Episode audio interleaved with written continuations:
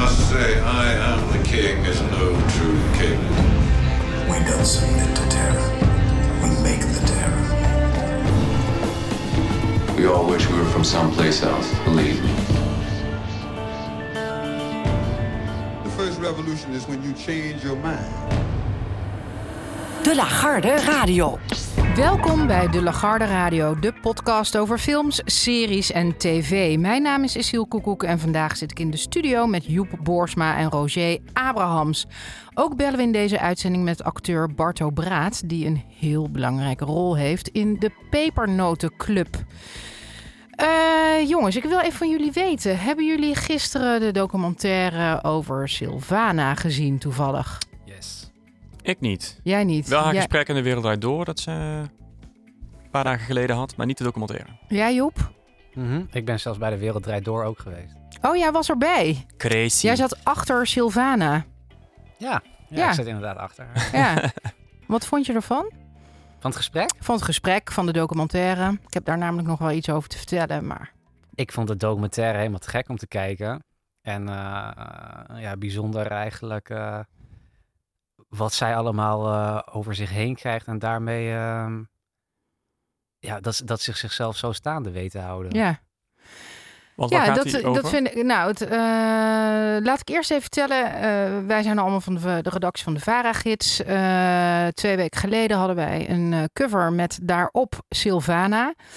Eh, ik had verwacht dat het een beetje stof zou doen opwaaien. Maar het was veel erger dan ik ooit had verwacht. Namelijk, eh, we kregen heel veel opzeggingen. Alleen door haar afbeelding op de cover. Want ik geloof niet dat iemand eh, van die opzeggers de moeite heeft genomen om het verhaal te lezen. Maar zij roept dus kennelijk zoveel haat op. Ongelooflijk. Terwijl zij een heel genuanceerd eh, verhaal hield in de VARA-gids. Een week later eh, heb ik er nog een column over geschreven, omdat me dat echt pijn deed. eh, dat zoveel mensen een abonnement op de VARA-gids opzeggen. Naar aanleiding van zo'n cover. En ehm, nou, dat werd opgepikt door de Telegraaf. En eh, nou ja, toen werd het een soort nieuwsitem dat heel veel abonnees de VARA-gids op hadden gezegd. En toen volgden nog 80 opzeggingen in één week. Dus eh, ja, vond ik echt ongelooflijk. Nou, ik was eh, derhalve extra benieuwd naar de documentaire Sylvana Demon or Diva. Die deze week op ITVA draait en eh, gisteren dus op televisie was. eh, en terug te zien is via NPO Start. Eh, wat we daar zien is een strijdbare, doch kwetsbare vrouw. Ehm, je ziet ook hoe zij geconfronteerd wordt voortdurend met haat en racisme. Op een gegeven moment zie je dat ze gefotografeerd wordt voor de povenzien. En we volgen haar namelijk in die documentaire in de aanloop naar de eh, gemeenteraadsverkiezingen van de afgelopen maart In Amsterdam. in Amsterdam. Waar ze meedoet met haar partij Bijeen. En zij is daar lijsttrekker van. Ze zijn posters aan het maken voor de campagne. En dan zie je dus mensen langslopen die roepen... Hey, ja, ik durf het gewoon bijna niet te zeggen, maar vuile neger. En eh, nou, dat gaat zo Aap, maar door. ik. Aap, ja, ja. Echt, ik vind dat zo confronterend dat dat gewoon gebeurt op straat. Eh, nou ja. Ehm, zij eh, vertelt in die eh, documentaire waarom ze hier, waarom ze strijdt voor een maatschappij zonder racisme. Ze zegt: Ik heb heel lang geprobeerd het ideale rolmodel te zijn. Maar eh, dat, dat werkt helemaal niet. Ik, eh, ik, ik strijd nu, ik ga strijden en dat doe ik eh, middels de partij bijeen. Ze zegt hele goede dingen in die uitzending, of in die documentaire. Weet je, ze wordt altijd neergezet als heel radicaal. Maar zij denkt dus heel goed na over wat ze zegt, hoe ze het zegt. Ze gaat de discussie aan met journalisten die vaak, nou ja, een beetje onnozel, dat zie je ook in die documentaire, tegenover haar zitten. En de manier waarop zij hun argumenten weerlegt. Ja, er is gewoon geen speld tussen te krijgen. En we zien helemaal geen radicale vrouw, maar een hele beschaafde, bescheiden, kwetsbare vrouw die vecht voor een open en gelijkwaardige en vooral inclusieve, inclusieve samenleving. Waar komt dat, eh, dat radicale beeld dan vandaan? Is dat iets van meer uit het eh, eh, begin toen ze hiermee eh, eh, in de publiciteit kwam? Dus dat interview eh, toen ze aan tafel zat bij de Wereldwijd Door met Martin Simek. En dat ze hem toen vroeg om eh, hij vroeg waarom hij het woord zwartjes gebruikte. Ja, maar toen, is het voor dus- haar begonnen. Toen is het voor haar begonnen, maar dat was natuurlijk ook helemaal geen radicale uitspraak. Als je dat nu terugziet, dan denk je echt, wat bezielt Martin Simek om zo te praten over zwartjes.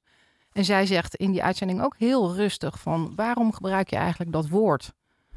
Dat is wat er gebeurt. En in plaats van dat Martin Simek heel veel kritiek krijgt, krijgt zij heel veel kritiek. Ja, dat is wel apart. Ja, Heeft zij het erover dat ze wel een, een bepaalde ontwikkeling heeft doorgemaakt in eh, het eh, eh, voor het voetlicht brengen van haar ideeën? Dat, bedoel, ik zoek een beetje naar eh, ja dat ze toen. Ik zoek eigenlijk een beetje naar dat wa- waarom ze dan zo radicaal wordt gezien.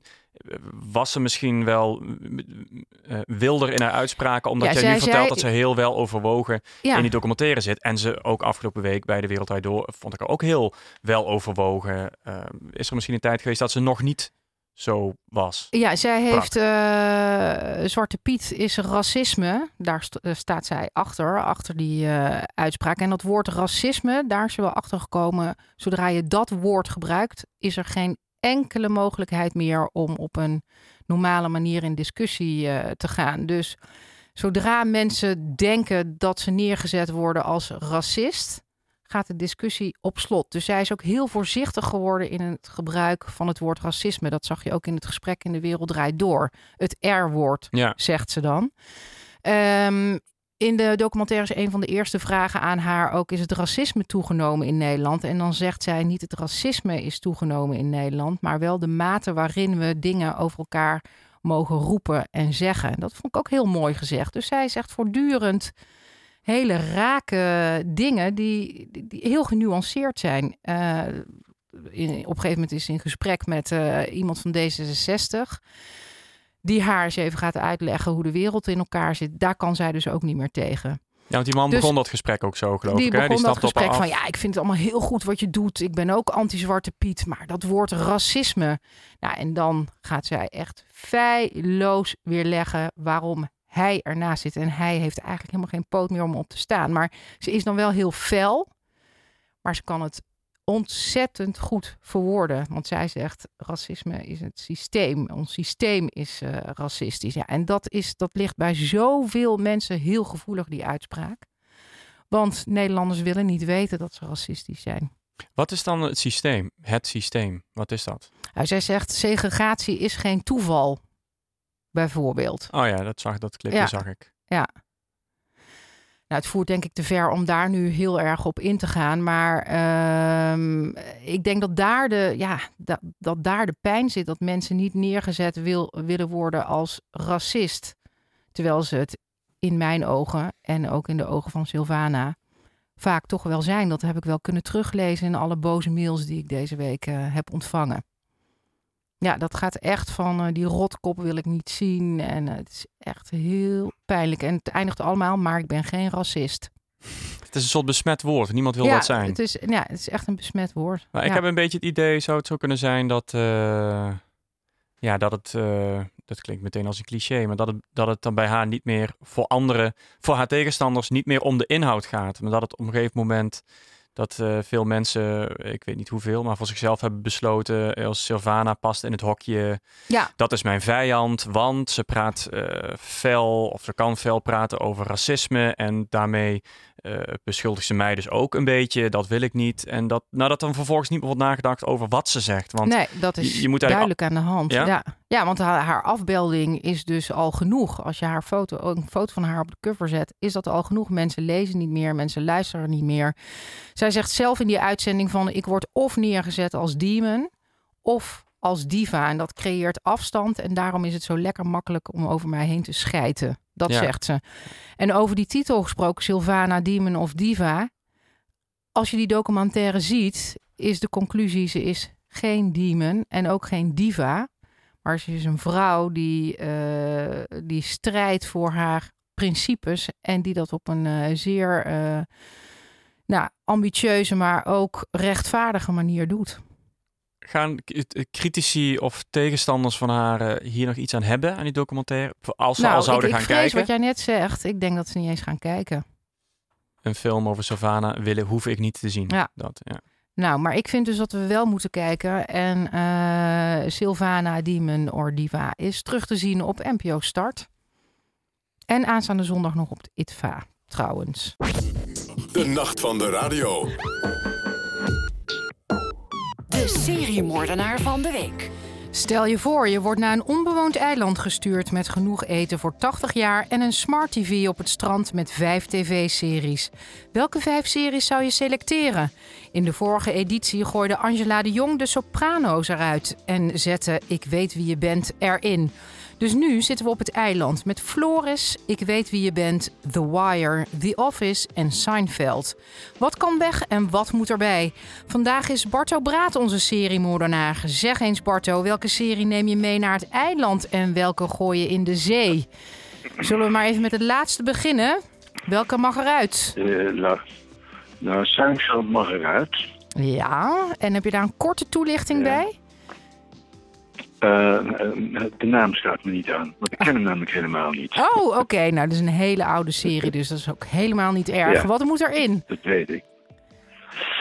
Eh, ik ga toch maar voor eh, de. oh, wacht even. Ik weet, ik weet een hele oude serie die ik erin wil hebben. Oh, leuk. The, Spannend. Ju- the, Jewel, the Jewel in the Crown. Oké.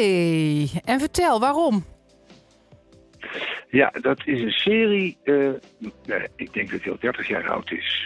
Eh, die is geweest op Nederlands tv en dat ging over de onafhankelijkheid van India. Oh, En het was bloedstollend. Eh, er was natuurlijk ook er was, romantiek in, maar het was ook ja, die hele onafhankelijkheidsstrijd met Gandhi en hoe dat allemaal gegaan is. En het was, en het was ook de Engelsen, eh, het, het botten van het Engelse kolonialisme. Nou, waarom denk ik daar nou ineens aan? Hoewel ik wel vaak aan die serie heb teruggedacht. het Ik was wel fictie, hè? Het was fictie. zijn? Geen documentaire serie. Het was fictie. Ja, nee, dat was fictie. was Ja. fictie. Ja, sorry, ik Maar ik onderbrak je. ben op dit moment in. Ja, maar ik, ben, ik denk eraan omdat ik op dit moment eh, heel riant in een eh, koloniaal landhuis in Kenia zit. Eh, Oh. en ik, ben, ik ben hier eh, omdat ik eigenlijk zou helpen mijn dochter terug te verhuizen naar Nederland. En nu moest ze nog drie dagen wachten. Haar huis was al leeg. En drie dagen wachten omdat de permits voor haar katten niet doorkwamen. Dus we konden het land niet uit met die katten. Oh, Maar dat is nu geregeld. Zij is nu die katten aan het ophalen. En die laatste drie dagen hebben we bij vrienden van haar... eh, eh, nou ja, in een prachtig huis gezeten.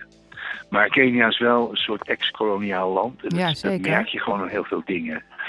En, ehm, en Nairobi is een verschrikkelijke stad. Maar eh, hier, dit is een soort buitenwijk van Nairobi waar we zitten. Hier is het prachtig. en ga je je dan ook voorstellen hoe dat moet zijn geweest in die koloniale tijd? En denk je daarom nu aan de Jewel en de Crown?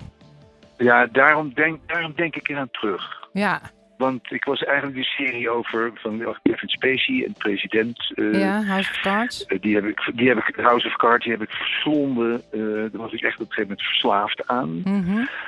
Nou, de, la- de laatste twee, twee seizoenen eigenlijk veel minder. Die vond ik ook minder.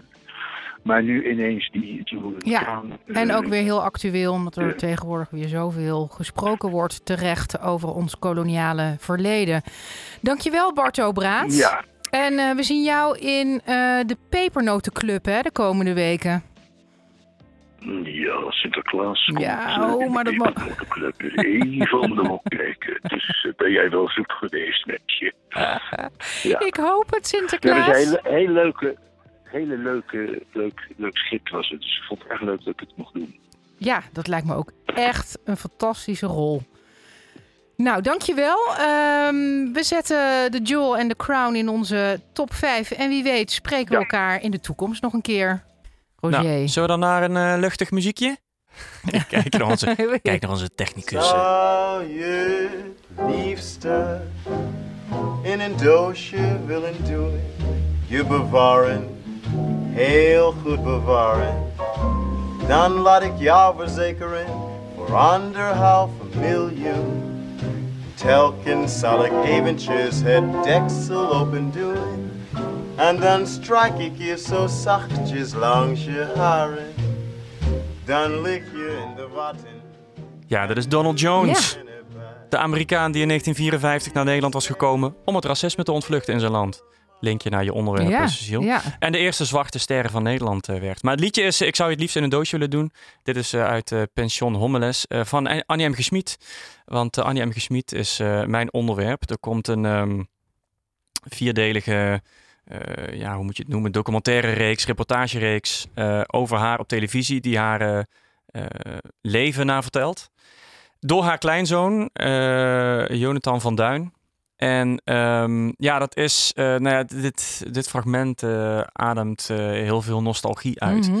En dat, dat, is ook, dat is de charme van deze reeks. Dus ik heb de eerste aflevering kunnen zien. En ik heb het idee dat het. ja, hoeveel, hoeveel weten je? Ik heb het idee dat heel veel mensen het al weten, misschien wel. Het verhaal van. Eh, heb- weten jullie dat ook? Of wat, wat weten ja, jullie ik van heb haar? die dramaserie eh toen ja, wel ja, ja. deels gezien. Ja, ik weet wel wat van eh, Annie MG, maar dat eh, moet jou er niet van weerhouden om hier even het kort haar leven te duiden. Nee, ik vond het juist heel prettig dat deze kleinzoon, die ik helemaal niet kende. eh, je- Ja, want meestal is haar zoon, hè, komt haar zoon aan het woord. Ja, Flip, van Duin, Ja. die, de beheerder van de nalatenschap. En dus ik heb heel erg het gevoel, misschien ook door, die, door de aanwezigheid van die kleinzoon, dat dit het verhaal van Annie M. Gesmied is voor een nou ja, nieuwe generatie vertelt. Zoals je misschien elke 20 of 30 jaar weer eens eh, dezelfde belangrijke verhalen moet vertellen. Eh, en en nou ja, belangrijk kunnen we Anne M. Gesmied eh, wel noemen voor de Nederlandse nou cultuur, boekcultuur, lied, liedcultuur. Ik wist niet dat Ik zou het liefst in een doosje willen doen een uitspraak is van haar moeder. Trouwens, dat is Nee, eigenlijk. dat daarom had ik dit, dit, uit- dit Ja? uitgekozen. Want ze is eh Annie M. Gesmied, de vrouw van Ik ben lekker stout. En eh, nou ja, of een, een, een zinnetje als ik zou je het liefst in een doosje willen doen. Maar dat zei haar moeder eh, tegen haar. Annie M. Gesmied, die is opgegroeid in, in Zeeland, eh predikantendochter. En haar moeder was een heel sterke feministische vrouw. Maar dat doet er voor deze kleine anekdote eigenlijk niet toe. Maar zij ehm, had al twee dochters verloren voordat eh, Annie geboren werd. En eh, nou, die bleef leven, die was gezond, dat ging goed. Dus vandaar dat haar moeder wel eens tegen haar zei: Ik zou je het liefst in een doosje willen doen. En eh, dus hoewel ik de hele tijd denk dat het allemaal wel bekende feiten zijn, er is ook een biografie verschenen over Annie M. Gesmied al een hele tijd terug van Anniette van der Zijl. Heb ik niet gelezen. Maar juist daarom vind ik het, eh, vond ik het heel prettig om ja, dat nog eens van begin af aan eh, te horen. Ja. En op een leuke manier. En deze kleinzoon reist naar eh Capelle, waar ze vandaan komt. Hij eh, bezoekt alle plaatsen in haar leven. Er zijn heel veel archiefbeelden van Annie. Gesmied. Interviews met haar waarin ze vertelt. En ook een leuk dingetje dat heel goed werkt, is dat ehm eh, Loes Luca in een, een theatersetting, in een theater, ik weet niet welk, voorleest uit haar werk. Dus af en toe een gedicht of een brief die ze schrijft. En dan uit alles blijkt zo dat ehm, Annie M. Gesmied zo'n, ehm, ja, eh, zeker voor die tijd, rebelse persoonlijkheid was. Ja. En dat maakt het, nou, wat, wat je naar boeken natuurlijk ook al terugleest. Van eh, Jip en Janneke en nou ja, Otje en Pluk van de Pettenflat. Pluk van de Pettenflat Stoute dingen doen. stoute dingen doen. Ja. En ik bedoel, Pluk, die, eh, ik heb een stuk geschreven over de, de internationale, Mhm. De, de, de vertalingen van Annie M. Gesmied. Omdat we denken dat ze typisch Nederlands is. En dat, nou, dat is dan ook wel zo, maar dat wil niet zeggen dat het in het buitenland niet aanslaat. En ik sprak een Russische vertaalster, die onder andere Pluk van de Pettenflat heeft vertaald. En die zei van ja, eh, dat zou nooit een Russisch boek kunnen zijn. Want die Pluk, die, eh, ja, die heeft helemaal geen ouders. Die komt gewoon dat verhaaltje binnenrijden op zijn, eh, met zijn kraanwagen. En eh, ja, niemand heeft het daarover. En hij, hij neemt zijn intrek in zo'n flat. En ja, in een, in een Russisch boek zou je op zijn minst een verhaal ho- horen van wat er met zijn ouders gebeurd is. Of hij zou dan toch bij een lieve oom intrekken. Of toch iets met een volwassene. Nou, dat is hier dan niet in. En dat, eh, dat vond die vertaalster typisch Nederlands. En eh, drie en andere... waarom is dat dan typisch Nederlands volgens die vertaalster? Want het is helemaal niet zo typ, typisch Nou ja, dat- Nederlands, toch? Onze eh, Ja, zij- ge- gezin als hoeksteen van de maatschappij, bla bla bla. Nou, zij zou het daar wel heel. En dat de drie andere vertalers die ik sprak, die, die zeiden wel iets soortgelijks. Die eh, vonden de bepaalde vrijheid en eh, vrijheid die uit die boeken sprak. En autonomie voor de kinderen. En pers- Anti-autoritair misschien ook. anti-autoritair, eigenlijk net wat Astrid Lindgren eigenlijk ook deed. Ook erg, heel erg vanuit het kind vertellen, met het perspectief vanuit het kind. Eh, dat was wel, nou ja, dat, dat ervoeren zij allemaal als iets heel eh, anders. En de Hongaarse vertaalster die zei ook dat. eh, oh nee, de Chinese vertaalster die. Die zei dat eigenlijk haar familie en vrienden... Ik vroeg of familie en vrienden het ook wel eens hadden over die boeken van Annie M. G. Schmid die zij dan vertaalde. En nou, dat bleek eigenlijk wel tegen. Dat viel eigenlijk wel tegen. Eens even kijken. Ik heb het er. ik heb het erbij. Oh ja, vrienden en familieleden. We hebben het hier over Jia Hui Jiang. Weet niet of ik haar naam eh, goed Ik vind uitspreek. het heel maar goed klinken. Dank je. Ik kon heel goed Nederlands met haar praten. En ze zat in, eh, in Peking. Dat is toch fascinerend. Maar ja, ze is natuurlijk vertaalster Nederlands-Chinees. En die zei, eh, ja, vrienden en familieleden hebben positief gereageerd op Schmid. Maar om heel eerlijk te zijn, merkte ik dat ze enthousiaster werden van andere boeken. Ik wou dat ik anders was, van Paul Biegel bijvoorbeeld. Of Meester Bakkerbaard van David Vlietstra. Volgens mij komt dat deels omdat Schmids boeken ver afstaan van de Chinese manier van doen. Kinderen die stout zijn, veel mogen uitproberen, rotzooi mogen maken. Dat is een groot contrast met de werkelijkheid in China.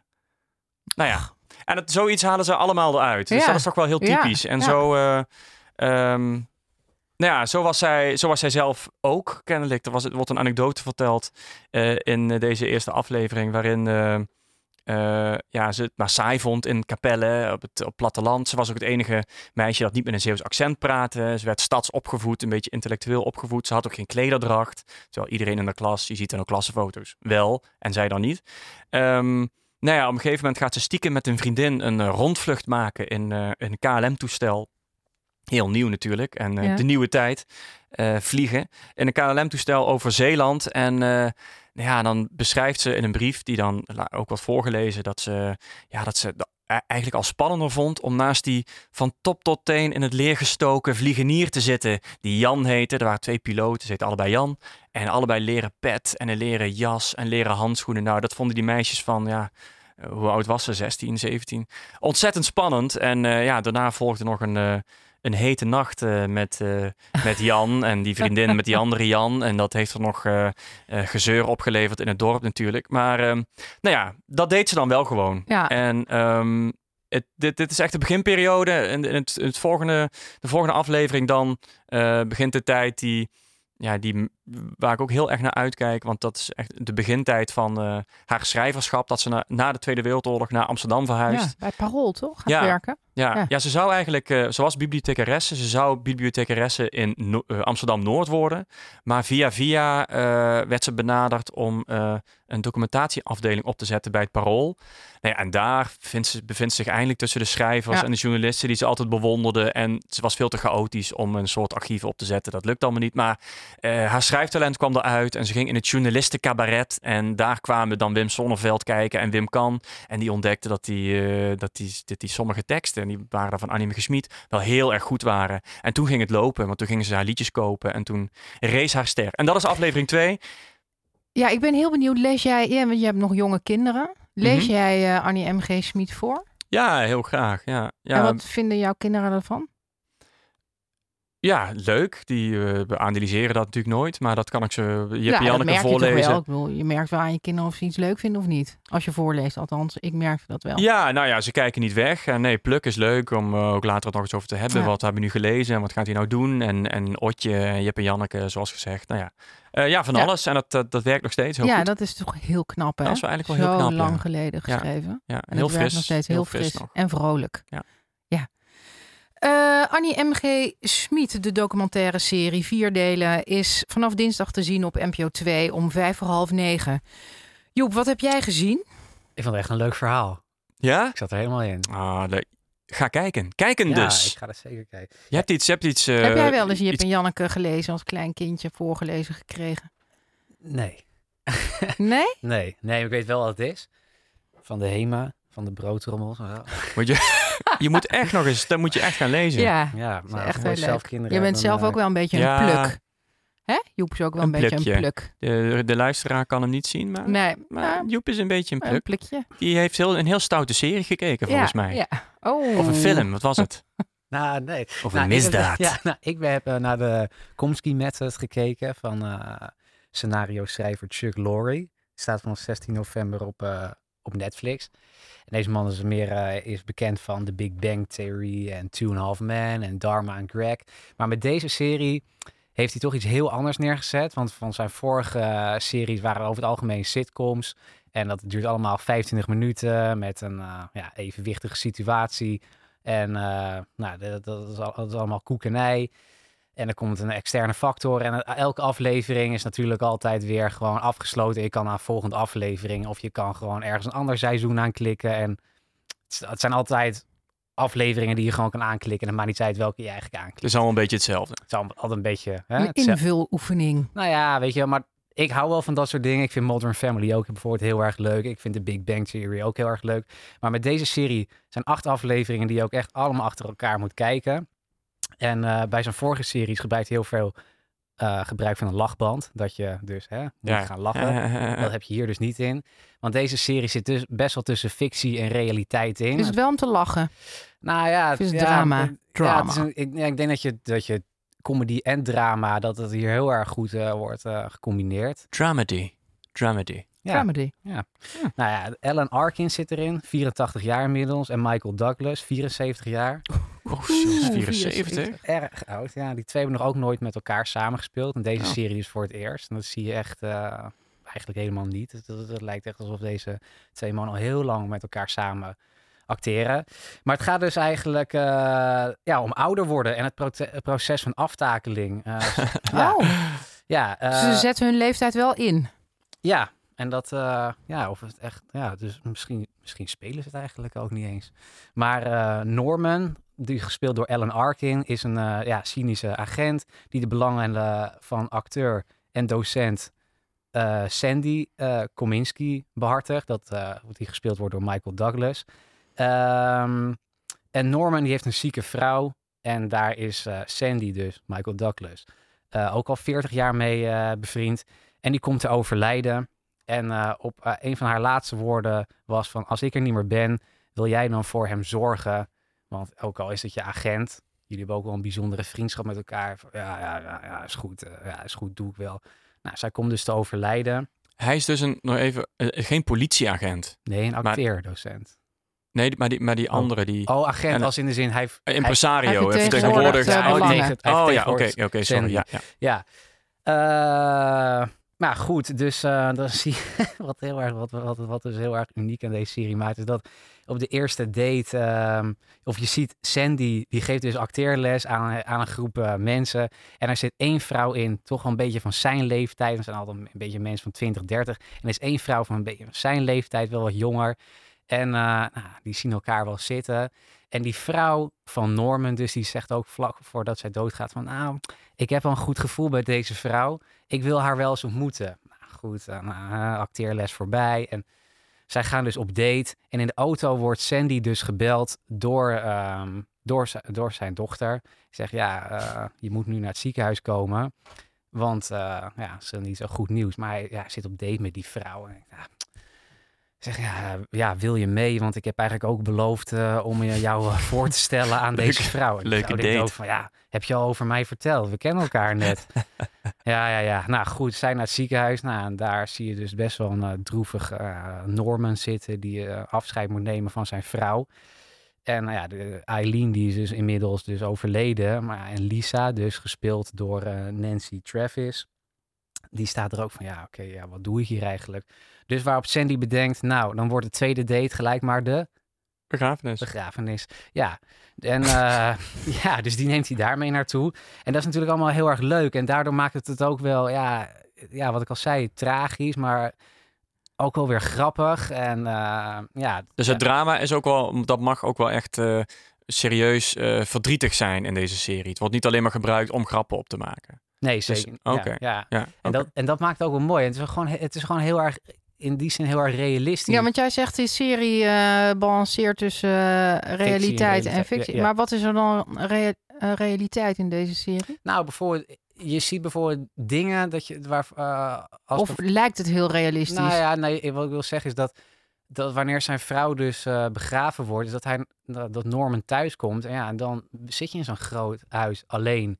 En dat je in de kledingkast van je vrouw kijkt en ja, wat moet je me nu met al die spullen gaan doen? En ehm, ja, dat bijvoorbeeld. Of dat hij zijn eh, shirts naar de stomerij toe brengt. En dat eh, die man zegt, oh wacht, ik heb nog hier iets voor je. Die heb je al- dat heb je hier heel lang laten liggen. En, oh, wat dan?